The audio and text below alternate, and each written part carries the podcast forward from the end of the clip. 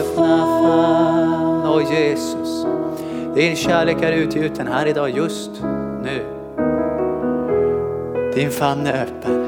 Ja, himlen är öppen. Du är Herre och du är konung. Vi kommer frimodigt till nådens tron. Vi behöver dig Jesus. Vi älskar dig Jesus. Låt din kärlek utgjutas här ikväll i varje del av våra liv. Jag ber himmelske far att allt det som vill distrahera eller störa, det binder vi i Jesu namn.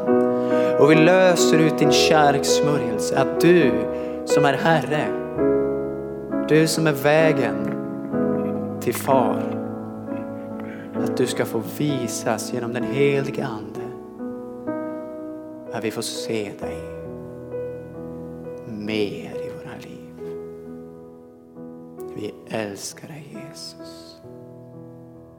vi vill ha mer av dig. Åh Jesus, vi får komma så nära. I ditt hjärta finns ingen förebråelse mot oss.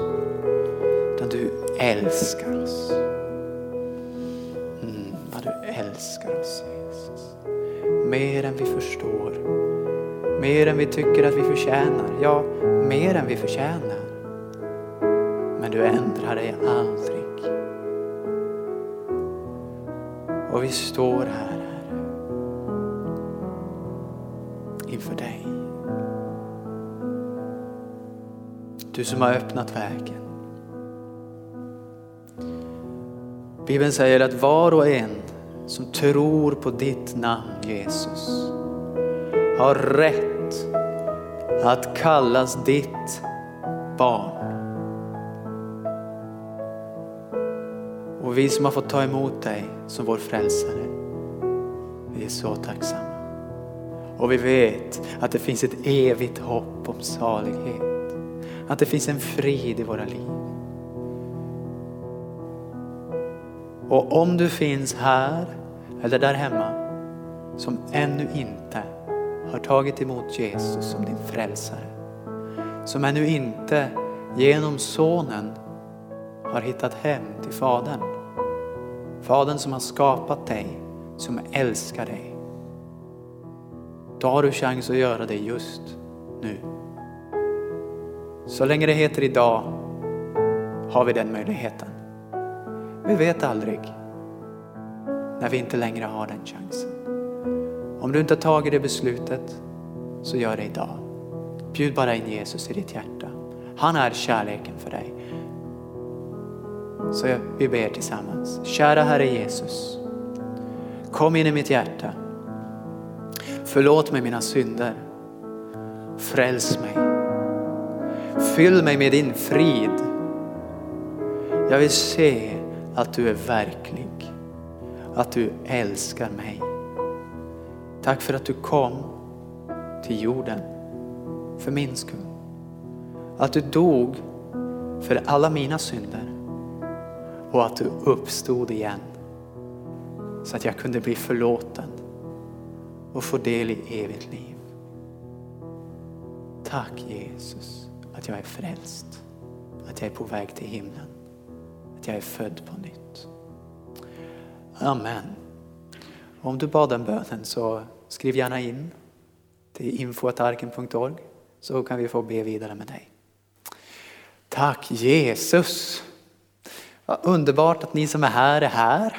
Vad roligt att se er. Kul att ni som är där hemma eh, är där. Vad roligt att ni ser mig. Jag ser inte er, men jag vet att ni är där. Tack igen för underbar lovsång. Tack Jesus. Ja, vi ger Jesus en applåd Vi känner igen, vi känner igen smörjelsen, hans välbehag. Att han får visa sin kärlek för oss. Jag tror inte att det finns någonting som Gud längtar efter mer än att få visa sin kärlek för oss. Eller vad tror ni? Tror ni han längtar efter att straffa oss? Jag tror inte det. Vissa tror det. Ibland hör man det, men jag tror han längtar efter att älska oss. Det är den Gud jag tror på. Som, och han har bevisat det i Jesus Kristus som dog för oss medan vi ännu var syndare. Det finns en Gud, Fader, det finns en son och det finns en helig ande. Och den helige ande är här just nu. Och han är så underbar, för han är här för dig. Han vet vem du är, han vet vem du är där hemma, han känner dig. Han vet allt om dig, dina tankar, dina drömmar, din längtan, vad som har varit lätt, vad som har varit svårt och så vidare. Och han älskar dig. Jag höll på att säga han älskar dig ändå, men det är lite negativt. Men han älskar oss ändå. Han är bara älskar oss. Det rundar lite i ljudet, du kanske kan kolla på det Göran. Jag hör ett litet... Ja. Um, tack Jesus, jag ska tala om att vi är Guds barn. Det är så otroligt underbart att vi har blivit Guds barn. Vi bad ut ett bibelställe, jag ska börja med det. Från Johannes kapitel 1, vers 12. Ehm, det här bibelordet hade vi som memoreringsord när jag jobbade på Kungsskolan. Det här var ett som barnen fick lära sig memorera. Det rekommenderar jag att vi memorerar. Toppen, nu blev det bättre, nu försvann det där, det var som något eko. Då står det i vers 12, Johannes evangeliet 1. Men åt alla som tog emot honom gav han rätten att bli Guds barn, åt dem som tror på hans namn. Vers 13, det är inte födda av blod eller av köttets vilja eller av någon mans vilja utan av Gud. Och ordet blev kött och bodde bland oss och vi såg hans härlighet, den härlighet som den enfödde har från Fadern och han var full av nåd och sanning. Jag predikade förra veckan om nåd och sanning och det är ju vad Jesus är, men han är också ordet som blev kött och han är den som föddes av Gud. Genom honom kan vi bli födda av Gud. Tack Jesus. Vi läser ett bibelställe till i Johannes evangeliet från kapitel 3. Då är det en av de skriftlärda som heter Nikodemus som kommer till honom. Jag kan läsa från vers 1 i kapitel 3 i Johannes evangeliet. Bland fariseerna fanns en man som hette Nikodemus, en av judarnas rådsherrar. Han kom till Jesus en natt och sa Rabbi, vi vet att du är en lärare som kommer från Gud. Ingen kan göra det tecken som du gör om inte Gud är med honom. Jesus svarade, jag säger dig sanningen, den som inte blir född på nytt kan inte se Guds rike. Men då säger Nikodemus, hur kan en människa bli född på nytt när hon är gammal? Hon kan väl inte komma in i moderlivet och födas en gång till? Jesus svarade, jag säger dig sanningen, den som inte blir född av vatten och ande kan inte komma in i Guds rike. Det som är fött av köttet är kött och det som är fött av anden är ande. Var inte förvånad över att jag sa att ni måste födas på nytt. Vinden blåser vart den vill och du hör dess sus men du vet inte varifrån den kommer eller vart den är på väg. Så är det med var och en som är född av anden. Vi fortsätter läsa i vers 9. Nikodemus frågade, hur kan det gå till? Jesus svarade, du är Israels lärare, förstår du inte det här? Jag säger det sanningen, vi talar om det vi vet och vittnar om det vi har sett, men ni tar inte emot vårt vittnesbörd. Om ni inte tror när jag talar till er om det jordiska, hur ska ni då kunna tro när jag talar till er om det himmelska? Och så vidare, och så kommer det här underbara att Eh, i vers 16 att så älskade Gud världen att han utgav sin enfödde son för att var och en som tror på honom inte ska gå förlorad utan ha evigt liv. Att han inte kommit för att döma utan för att frälsa. Vi ska gå igenom det här bit för bit. Eh, för det första, den första konstaterandet jag vill göra är att jag tycker det är så det är så roligt hur Jesus undervisar. Den här skriftlärda mannen som kan skrifterna, han kommer till Jesus och så säger han, ja vi har förstått det här och nu vill jag ha en, nu, nu gör jag en tolkning här, nu vill jag ha en teologisk utläggning, hur ska vi förstå dig? Några djupa sanningar.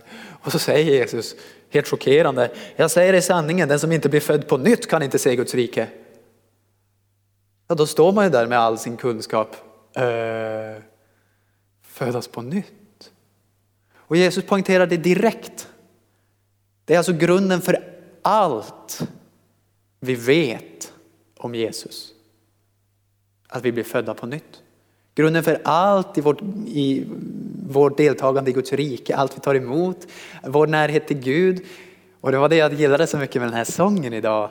Eh, det var egentligen hela predikan.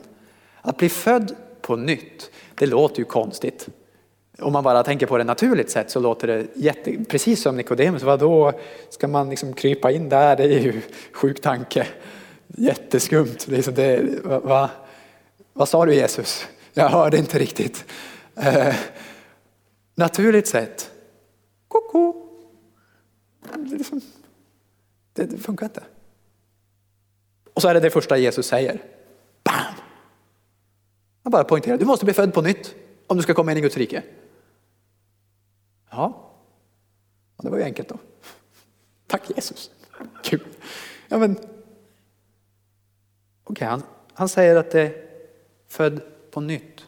Det kommer någonting nytt in i livet. Det kommer en ny grund. Och så får vi några nycklar längre fram. Vi läste till exempel i vers 6. Det som är fött av köttet är kött och det som är fött av anden är ande. Kommer ni ihåg hur Jesus föddes? Hur föddes han? Ja, genom en jungfru. Alltså av den helige ande. Han var till genom den helige ande. Och så kom han in i mänskligheten genom en kvinna då.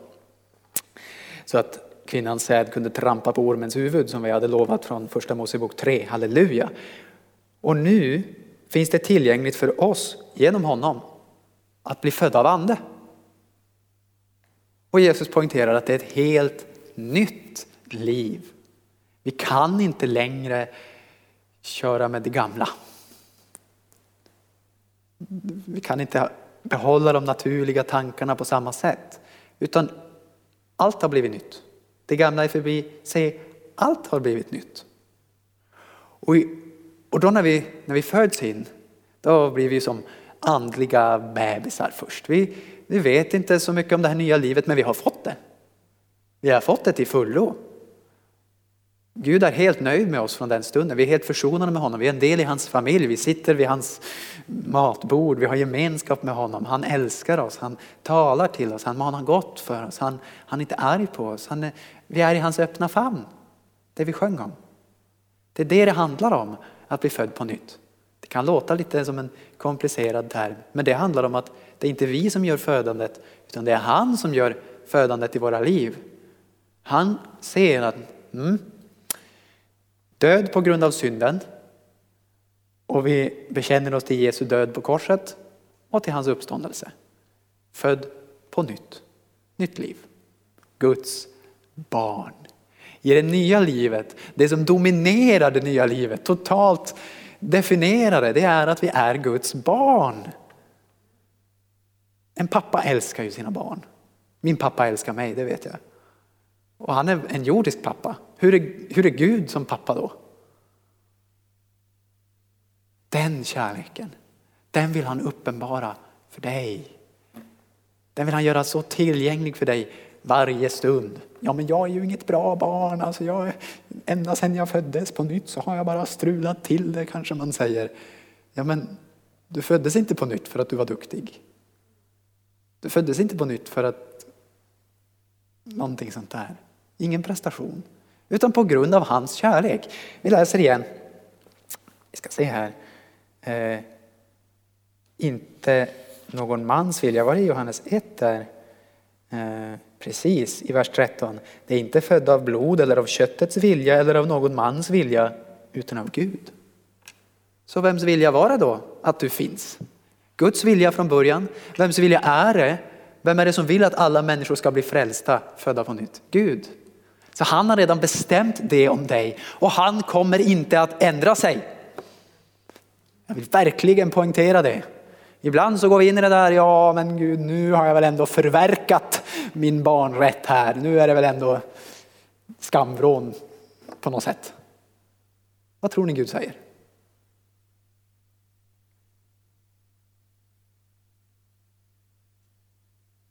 Vad säger han? Jag tror att när vi lyssnar på hans röst i våra hjärtan där, då blir det här barnaskapet någonting härligt. Något vi kan njuta av. Något som tröstar oss, något som bär oss villkorslöst. Jag ska läsa lite om det där. Tack Jesus. Mm, vi prisar dig. Och vi läser i Romarbrevet.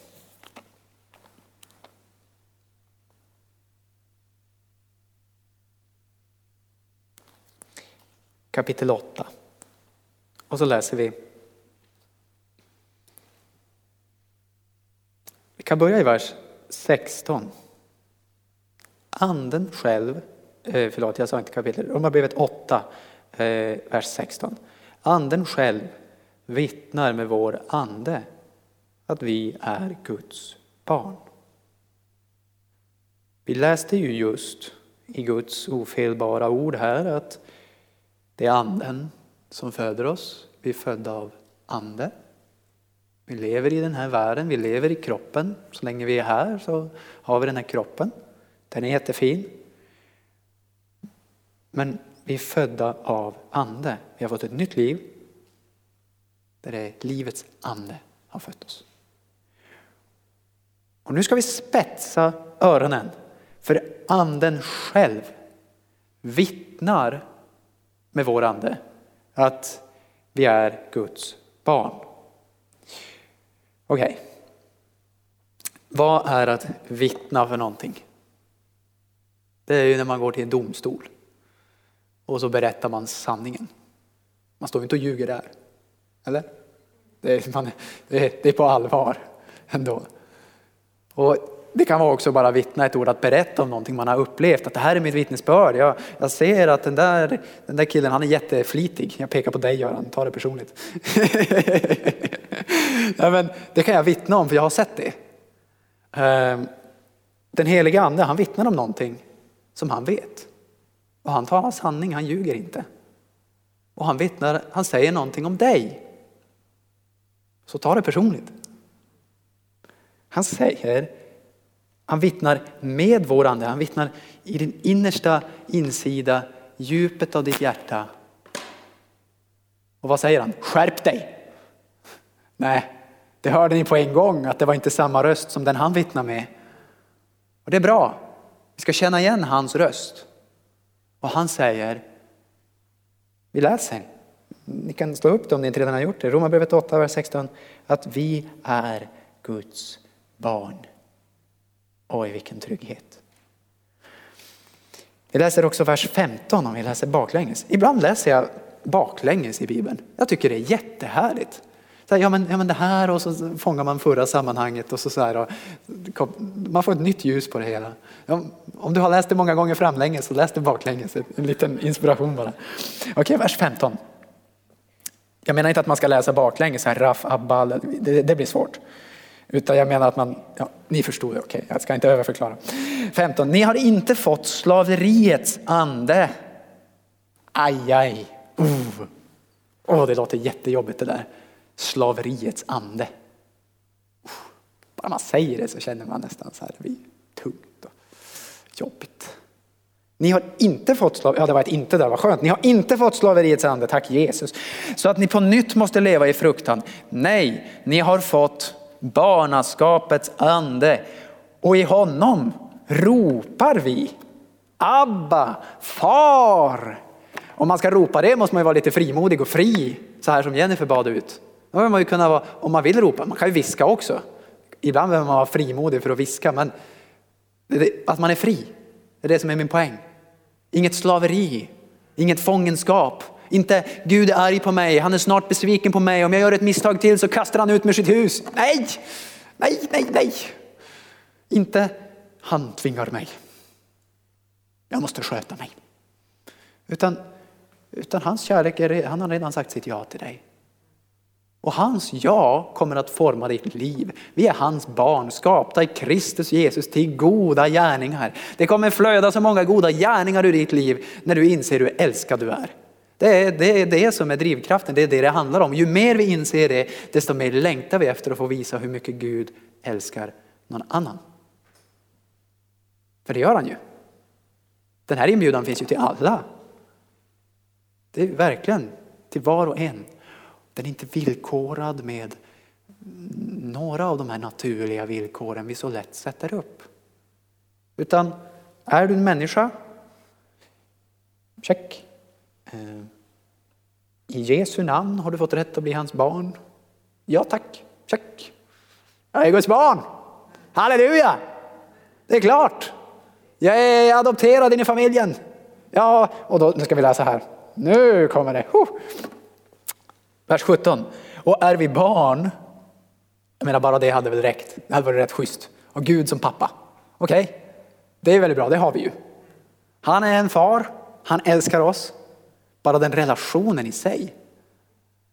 Men så börjar han förklara konsekvenserna här. Det är Paulus som skriver brevet. Det är Guds ord, det är hans budskap till oss. Så nu, nu lyssnar vi på det här i vers 17. Och är vi barn så är vi också arvingar. Guds arvingar och Kristi medarvingar. Jag menar hur härligt är det här egentligen? Ska vi ärva Gud? Hur mycket rikedom har han? Har han några bra grejer? Är han, är han rik? Är han härlig? Är han god? Ska vi ärva det?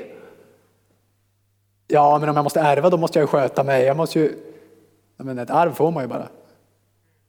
Det har ju att göra med att man är med i familjen.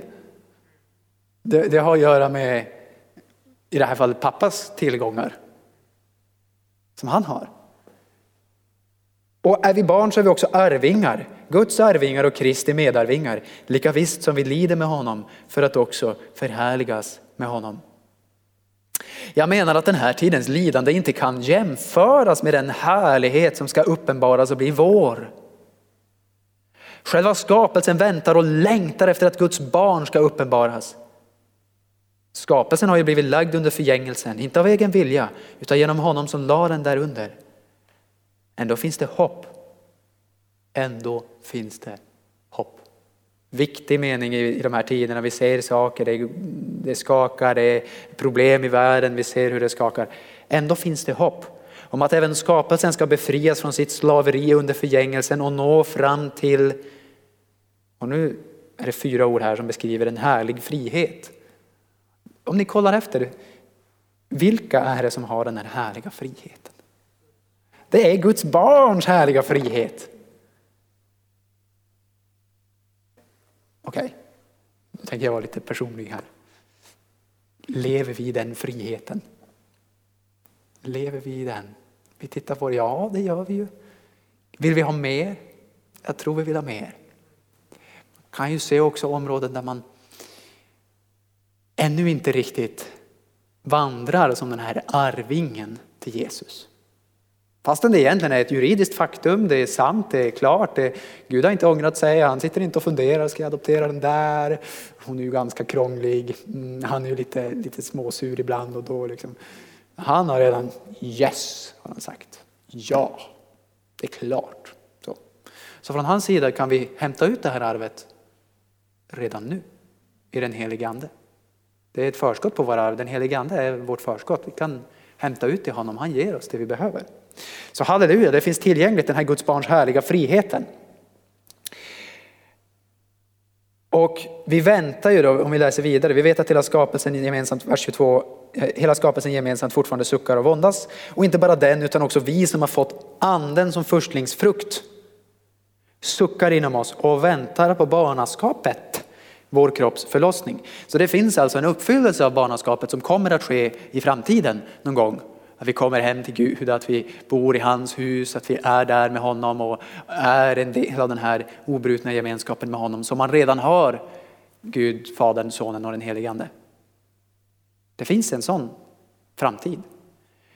Och så finns det den här tiden på vägen som man ju nästan vill ducka lite för när man läser så här. Vi läste om lidande Och så fort man läser det ordet så blir det, det vill jag inte ha. Nej tack, känner man. I alla fall jag. Jag vet inte om ni gör det. Men om vi läser vers 17 igen. Vi har alltså arvet och sen andra hälften här. Lika visst som vi lider med honom för att också förhärligas med honom. Jag menar att den här tidens lidande inte kan jämföras med den härlighet som ska uppenbaras och bli vår. Jag tror att när uppenbarelsen om vilka vi är. Om ni vill kan ni säga jag är ett Guds barn. När det blir mer och mer verkligt i våra liv med den kärlek som det innebär. För den kärleken tar ju inte slut. Den kärleken tar inte slut om vi gör fel. Den kärleken tar inte slut om någon gör fel mot oss. Den kärleken tar inte slut om det blir världskrig. Den kärleken tar inte slut oavsett vad. Då får vi en sån trygghet att vi kan gå igenom den här världen med ett hopp, med en kärlek som fördriver all fruktan. Då är vi ett folk utan fruktan som är ivriga att göra Guds goda gärningar. För vi har blicken på lönen, blicken på Jesus, vi vandrar med honom och vi är fyllda av en kärlek. Det låter väl bra? Ja men det är inte för mig, det där är bara för några så här andliga personer som klarar av det här barnaskapet. Men det är ju för dig! Att klara av det är bara att säga tack Jesus, amen. Det är det det handlar om. Och sen att fortsätta vandra på den vägen. Och jag menar inte att, att förminska problemen nu när jag säger det, utan jag menar bara att säga att Jesus är stor. Jesus är stor. Han håller vad han lovar. Hans namn innebär frälsning, fullkomlig frälsning. Halleluja! Tack Jesus! Det tar vi. Vi tar den frälsningen. Vi ska också läsa i, i Romarbrevet 8 här.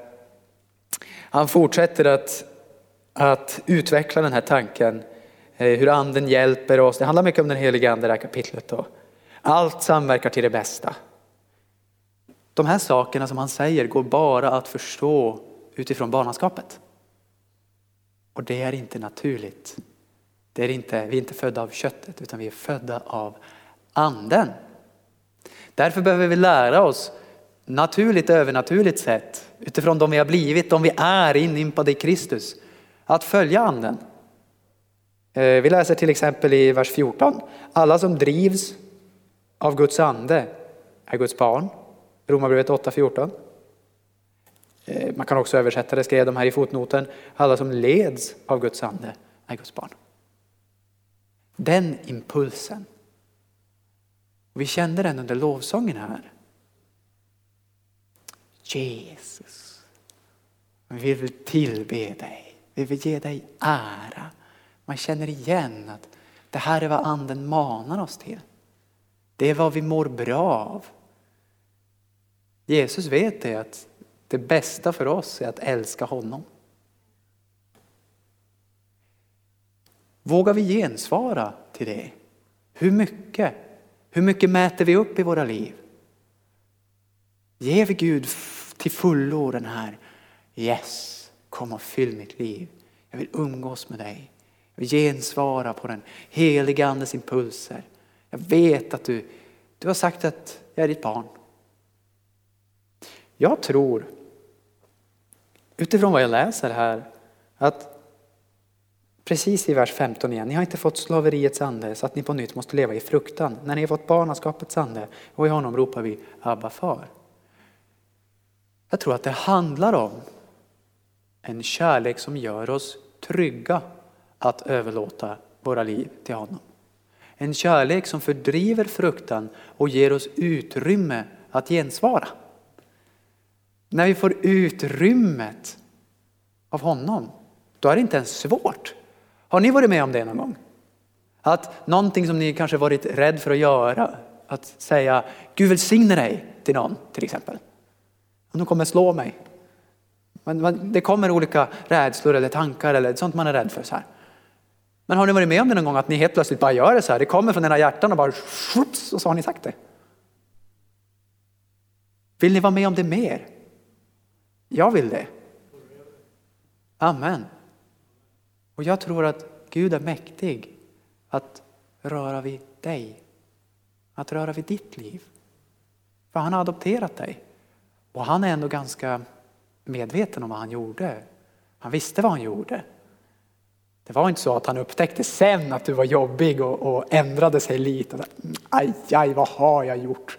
Himla olydig. Aj, åh, nej, jag ångrar mig. Alltså, jag skojar lite om det och ändå så faller vi in där ibland. Men han vill fortsätta bevisa sin kärlek. Han manar bara gott för dig. När vi snubblar då säger han, kom nu, res dig upp. Jag älskar dig. Han sänder, det där, han sänder bara kärleken med oss. Ibland fostrar han oss och säger, gör inte så där. Det har också med kärlek att göra. Vi behöver få ta emot mer och mer av den här fullheten. Han har förutbestämt oss, vers 29, de man i förväg har känt som sina. Det är alltså vi, han hade i förväg känt oss som sina. Redan från världens begynnelse, innan han formade allt så sa han, de här är mina. Nu har ingen vid kameran, jag går tillbaka. De här är mina, sa han. Och det betydde inte att han ville ha vissa men inte andra och så här, han är lite småsadistisk fast, fast ändå inte på något sätt galet sätt om man låtsas att det är ett mysterium utan han är bara kärleksfull. Och han vill att varje människa ska vända om till honom och bli frälst. Men det finns en fri vilja som han respekterar. Vi som har sagt ja till hans erbjudande, vi får del av det som var från begynnelsen. Åh, nu är du där, nu ska jag... nu får du vakna där. Tack Jesus. Det är det han har bestämt från begynnelsen. Det är det han ger oss. Bara kärlek. Det var mycket gott sa han i skapelsen när han hade skapat människan. Mycket gott. Det är vad han säger om dig. Det återupprättar han genom barnaskapet i Jesus Kristus. För det är just det att Fadern har sänt sonen. Och precis som sonen är en son i honom, i tro på honom, så blir vi barn. Vi blir barn med söners rätt. Det är därför det står bröder och söner och så, för att det handlar om arvsrätten. Och att Jesus är förstfödde så han ärver allt och vi ärver med honom. Kristi medarvingar läste vi. Okej, jag ska läsa vidare, vers 29, Romarbrevet 8. De som han i förväg har känt som sina har han också förutbestämt till att formas efter hans sons bild. Okej. Okay. Det här förutbestämmelsen finns.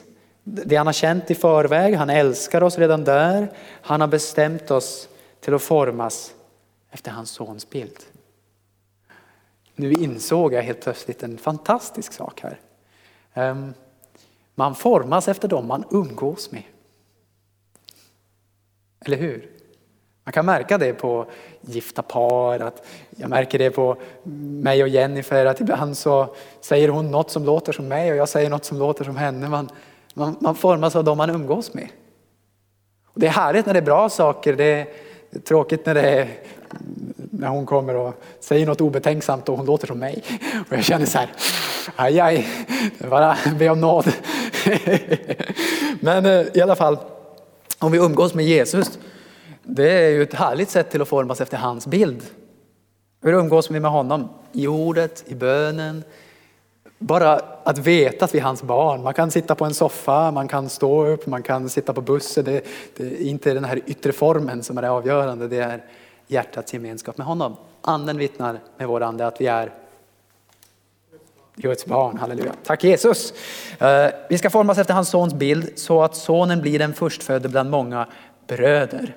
Och som jag sa, ja vadå systrar då, är Gud antifeminist? Är han liksom så här? Det handlar om arvsrätt. Det handlar om att i Kristus Jesus är vi inte längre man eller kvinna, slav eller fri jud eller grek. Det handlar om att vi är alla med en rätt som hans arvingar. Tack Jesus. Och de som han har förutbestämt har han också kallat och de han har kallat har han också förklarat rättfärdiga och de han har förklarat rättfärdiga har han också förhärligat. Det kan man gå igenom och be igenom och njuta av. Jag läser vidare. Och vad ska vi nu säga om detta? Om Gud är för oss, vem kan då vara emot oss? Ja, myndigheterna de är emot oss, Skatteverket och alla de där och liksom nej, det är de ju inte. Om Gud är för oss, han är störst, då har vi majoritet. Det finns ingenting som kan stjäla det han gör, han är ändå störst. Det kan se ut som att det finns omständigheter där Gud inte har segrat. Allt har ännu inte lagts under hans fötter, men kommer att läggas under hans fötter. Det är det här vi ser i tro. Att han är Herre, att han är konung, att hans ord aldrig sviker.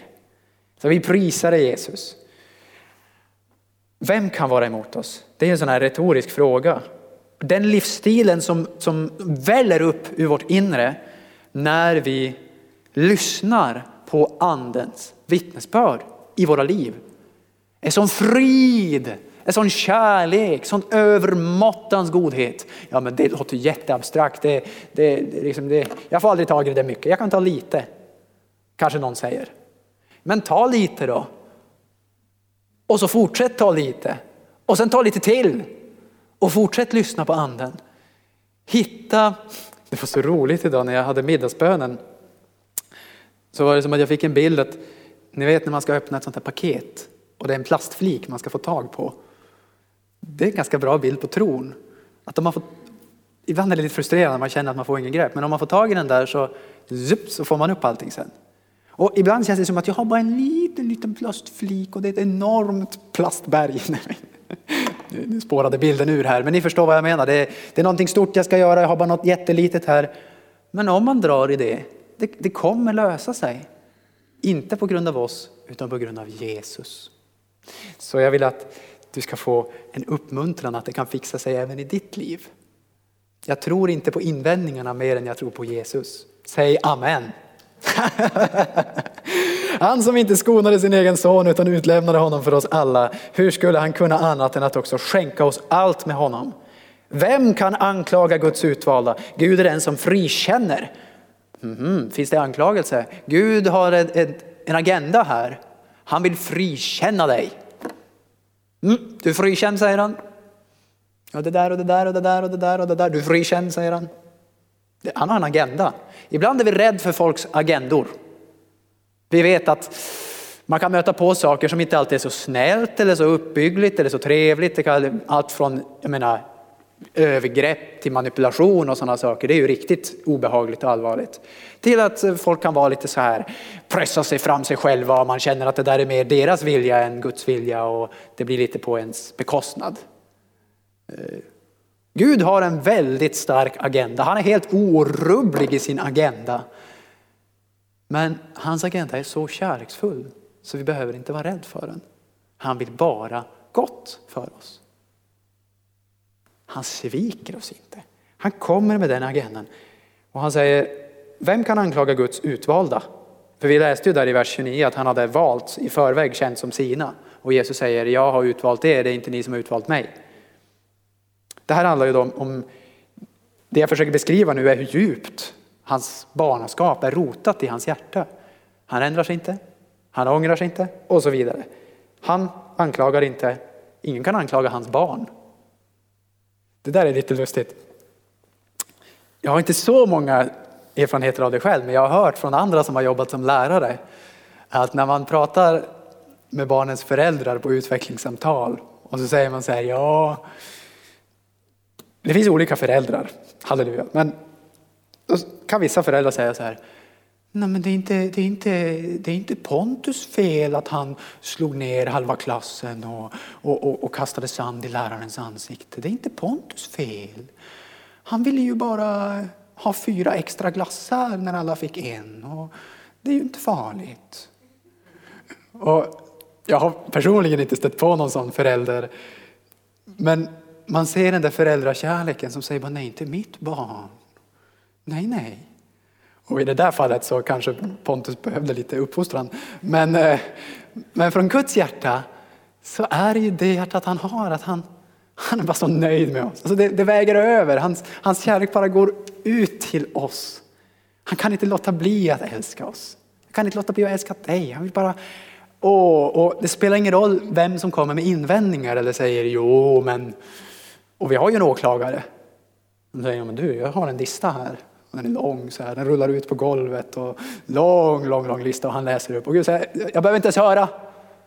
Jag frikänner. Klart. Halleluja. Genom Jesu blod, priset är betalt. Vi stryker den där listan, skuldebrevet, bort med det. Sitter på korset. Det är underbart. Det är Guds barns härliga frihet. Man blir inte så glad och fylld av härlighet när man känner sig superanklagad. Det är inget kul att känna sig anklagad. Ibland gör vi fel, men Gud är den som frikänner. Hans frikännande bygger på hans vilja, på hans kärlek och det har han bevisat i Kristus Jesus och vi säger ja. Vers 34, vem är det som fördömer? Kristus Jesus är den som har dött, ja än mer den som har blivit uppväckt. Ja, än mer den som har blivit uppväckt. Jag tycker det är så roligt.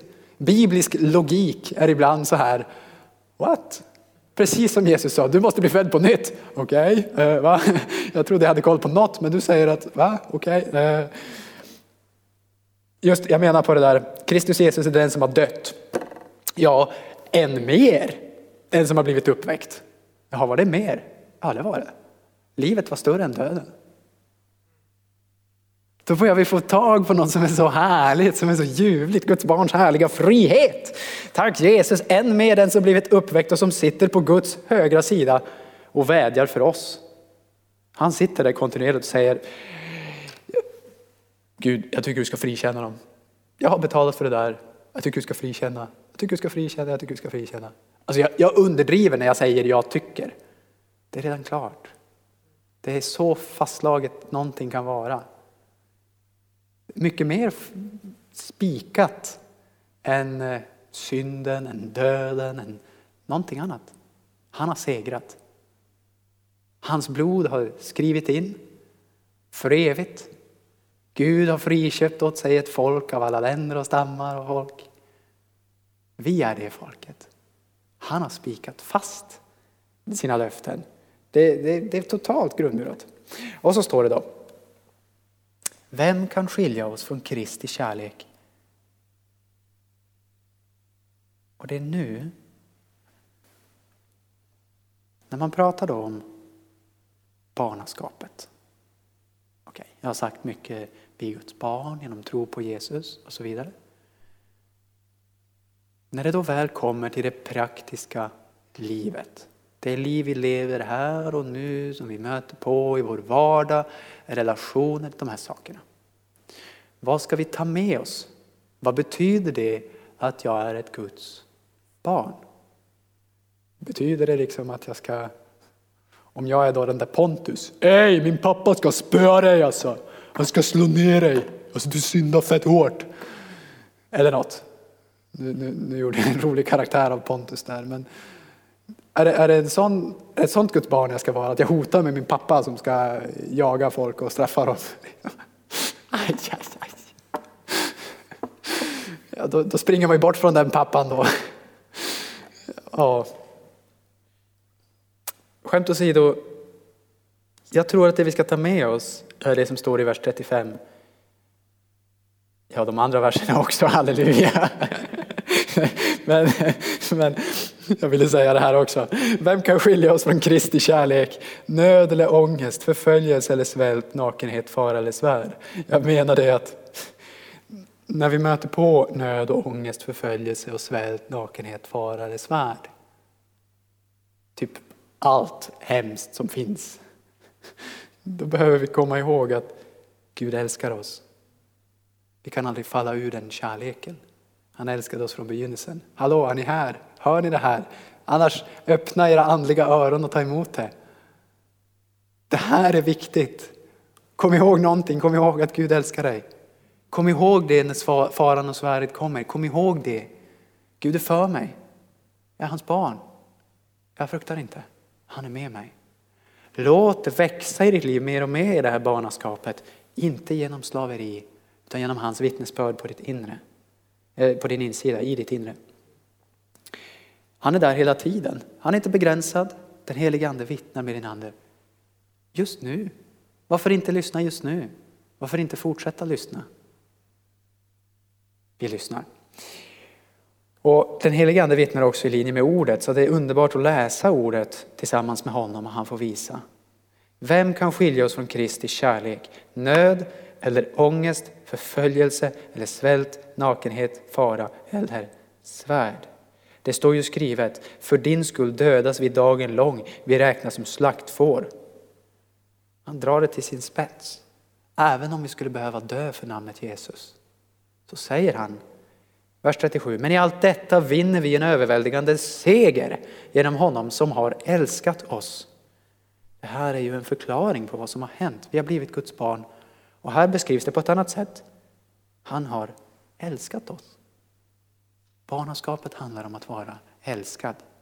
Om du i din bild av Gud som far eller i din bild av eh, att du är i Jesus, om du känner att det är ett slaveri, så kolla efter igen vad det handlar om.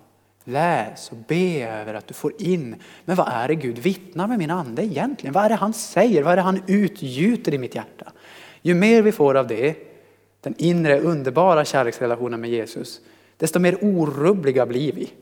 Tack Jesus. Nu tittar jag på pelarna i församlingarna som sitter där. Och, Tack Jesus, vi blir orubbliga. Och jag, jag ser en sån kärlek utgjuten på den här platsen. Jag ser en sån kärlek mitt ibland oss. Jag ser den från er. Jag ser den från andra som inte är här just nu. Ni kanske tittar där hemma. Gud utgjuter det och det tar aldrig slut. Det står fast. Vi vinner en överväldigande seger. Det står inte, men i allt detta vinner jag, Paulus, en överväldigande seger. Och ni individualister också. Det står vi. Det vi-ordet som knyter oss samman till en kropp med samma far och samma dop och samma ande och allt det här. Vi vinner. En överväldigande seger genom honom som har älskat oss. Yes. För jag är viss om att varken död eller liv, varken änglar eller furstar, varken något som nu är eller något som ska komma, varken makter, höjd eller djup eller något annat ska skapat ska kunna skilja oss från Guds kärlek i Kristus Jesus, vår Herre. Du behöver inte frukta någonting, säger Gud, för jag älskar dig. Ja, men det är ganska stora löften, Oskar. Jag vet! Halleluja! Och det är inte jag som säger, eller jag säger dem nu, men det är han som har gett dem. Det är han som håller dem. Det är han som är den här kärleken och det är den helige ande som garanterar det in i ditt liv. När vi öppnar för hans vittnesbörd så finns det ingen gräns för hur mycket vi kan ta emot från Gud. Det finns ingen gräns. Det står dessutom i vers 11 att han ska göra våra dödliga kroppar levande genom sin ande som bor i oss. Okej, okay, vi tar emot i kroppen också. Tack Jesus, halleluja, mer tack. Det beror inte på vår vältalighet, det beror inte på vår egen vishet, det beror inte på vår duktighet. Det beror på hans kärlek. Han som har älskat oss. Vi tar det där en gång till, jag ska proklamera ut det här. Jag är viss om, vers 38, att varken, om ni vill får ni läsa med, död eller liv, varken änglar eller furstar, ingenting andligt, inget sånt här, wow det var så mycket andligt och inget sånt kan skilja oss från Guds kärlek i Kristus Jesus. Varken något som nu är eller något som ska komma. Framtiden. Ibland när man säger framtiden så ser man att folk hajar till. Det kan vara skrämmande, faktiskt. Men vi står på ordet. Vi tar in ordet. Det handlar om Guds kärlek till oss i Kristus Jesus. Varken något som nu är eller något som ska komma. Halleluja. Åh, oh, vi behöver mer av det här.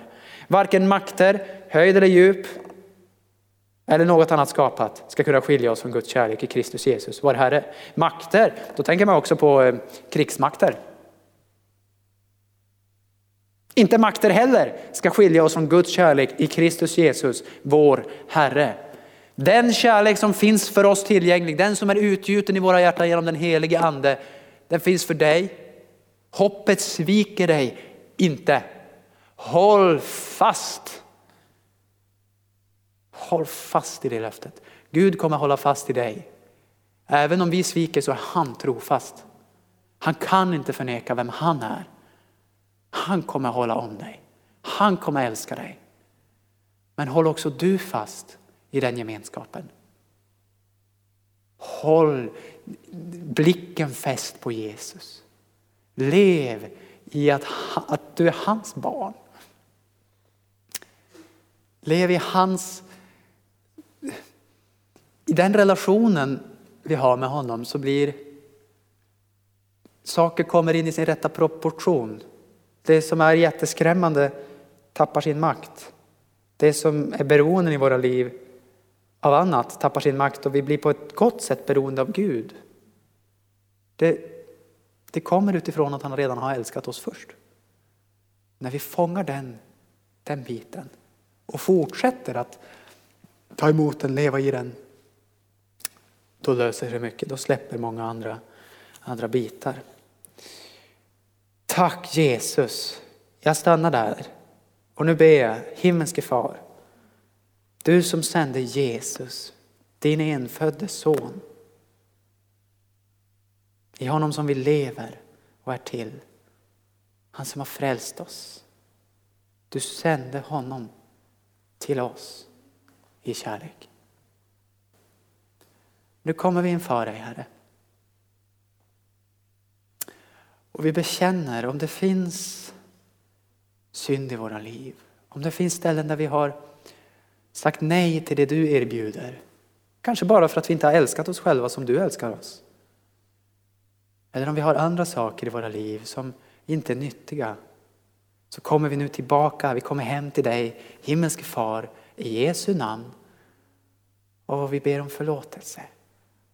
Och då vet vi, för du har sagt i Bibeln vem du är.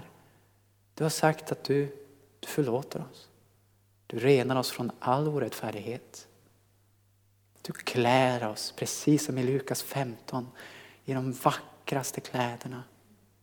Du ger oss signetringen, arvet, barnaskapet. Du sätter en krona på vårt huvud, skor på våra fötter. Och vi får ha fest med dig till evig tid. Jag ber helige Ande att du ska uppenbara just nu vilken far vi har i Jesus Kristus. Att du ska trösta. Att du ska komma in där det har varit så trångt i hjärtat, där det har varit så hårt. Där det har kanske funnits sådana minnen och sår av svek, övergrepp, man vågar inte lita på, man vågar inte öppna sig. Man, man kanske också har blivit nedtryckt med ord på olika sätt. Så när, när det står att du vittnar i vårt inre, i vår ande, att vi är Guds barn så kanske vi inte har vågat lyssna. Vi känner, vad är det där för snurr? Nu hittar jag bara på, nu är jag bara högmodig eller någonting. Men jag ber idag helige Ande att varje hinder, att varje invändning i Jesu namn nu ska flyttas bort. Jag häv dig upp och bara kastar dig i havet varje invändning för Gud älskar. Han älskar passionerat, han älskar utan slut, han älskar med en brand som är från evighet till evighet. Han älskar så att han har sänt sin enfödde son Kristus Jesus till att dö för oss. Och vi löser ut den kärleken nu. Och jag ber Fader, gör mirakler i hjärtan. Gör de upprättelsemirakler som behövs. Res upp i Jesu namn nu. Nu talar jag till den inre människan att resa sig upp i namnet Jesus. I Jesu namn, du är älskad av Gud. Och jag talar nu också till varje fördömelse, till varje anklagelse. Böj dig i Jesu namn. Bara tig. Varje röst av anklagelse, böj dig säger jag. Böj dig, böj dig, böj dig, släpp loss. I Jesu namn. Åh, bara Guds kärlek får skölja över oss just nu. I Jesu namn. På grund av vem Gud är, på grund av att han älskar oss. På grund av korset. Inte på grund av vår vishet eller vältalighet eller hur duktiga vi är, utan på grund av vem Gud är. Han älskar dig. Bara fortsätt och, och vända dina andliga öron till det inre vittnesbördet. Vad han säger om dig. Det är kanske många, många som säger saker om dig. Det är kanske många röster som vill säga vem du är, vem du borde vara, vem du skulle ha varit, vem du och så vidare och så vidare och så vidare. Bara reklamer, skönhetsideal, kvinnoideal, mansideal, bla bla bla bla. Det är så mycket brus. I Jesu namn, nu får det tiga och vi vänder vårt hjärta till dig. Vår Herre och kung Jesus Kristus. In i din famn. Vi lyssnar. Vi lyssnar på den tonen vad hade du i ditt hjärta på korset på Golgata? Var det att du var arg på oss? När du sa, Fader förlåt dem, de vet inte vad de gör. Du är mild och ödmjuk i hjärtat. Du älskar oss. Nu lyssnar vi. Fader öppna våra andliga ögon och öron. I Jesu namn. I Jesu namn. tala Herre. Ta en stund och så låter vi honom tala. Han talar liv just nu.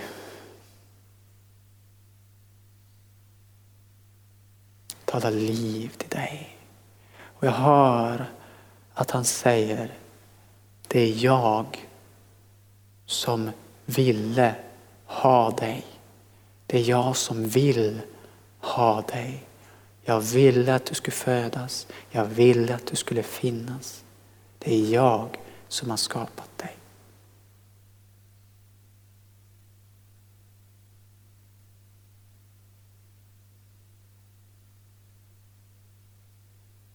Tack Jesus. Och vi ber Herre att du ska gå djupare i våra liv.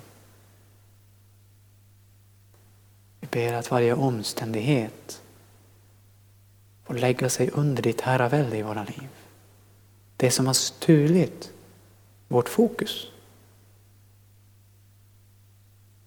Det böjer sig just nu. Och vi zoomar in på dig.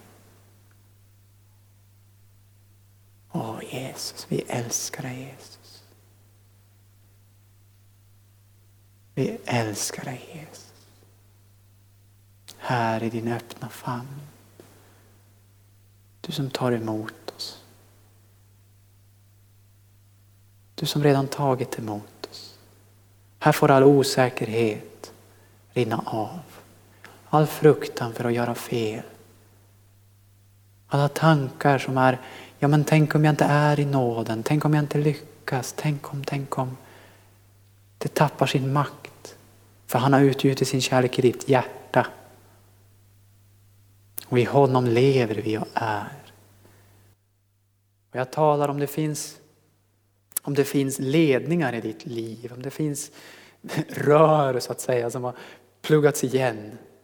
Då talar jag nu att de ska öppnas i Jesu namn.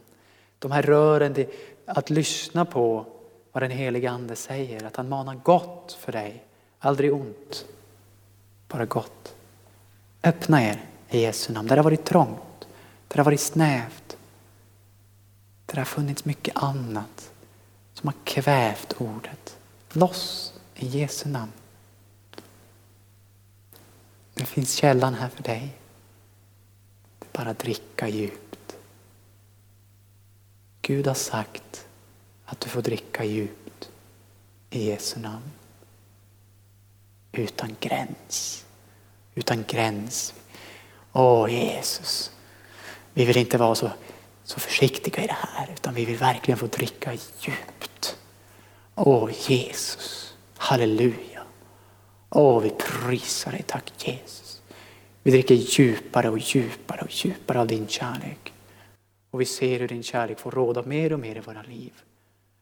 Och du är den som försvarar oss. Det finns ingen invändning som kan komma heller som skulle säga att vi helt plötsligt är underkända.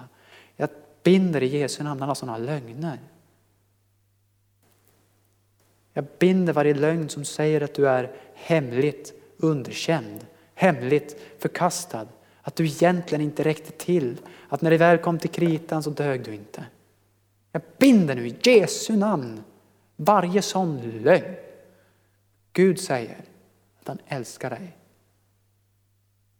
Han är starkare, han är större, han vet mer. Och vi lyssnar på hans röst.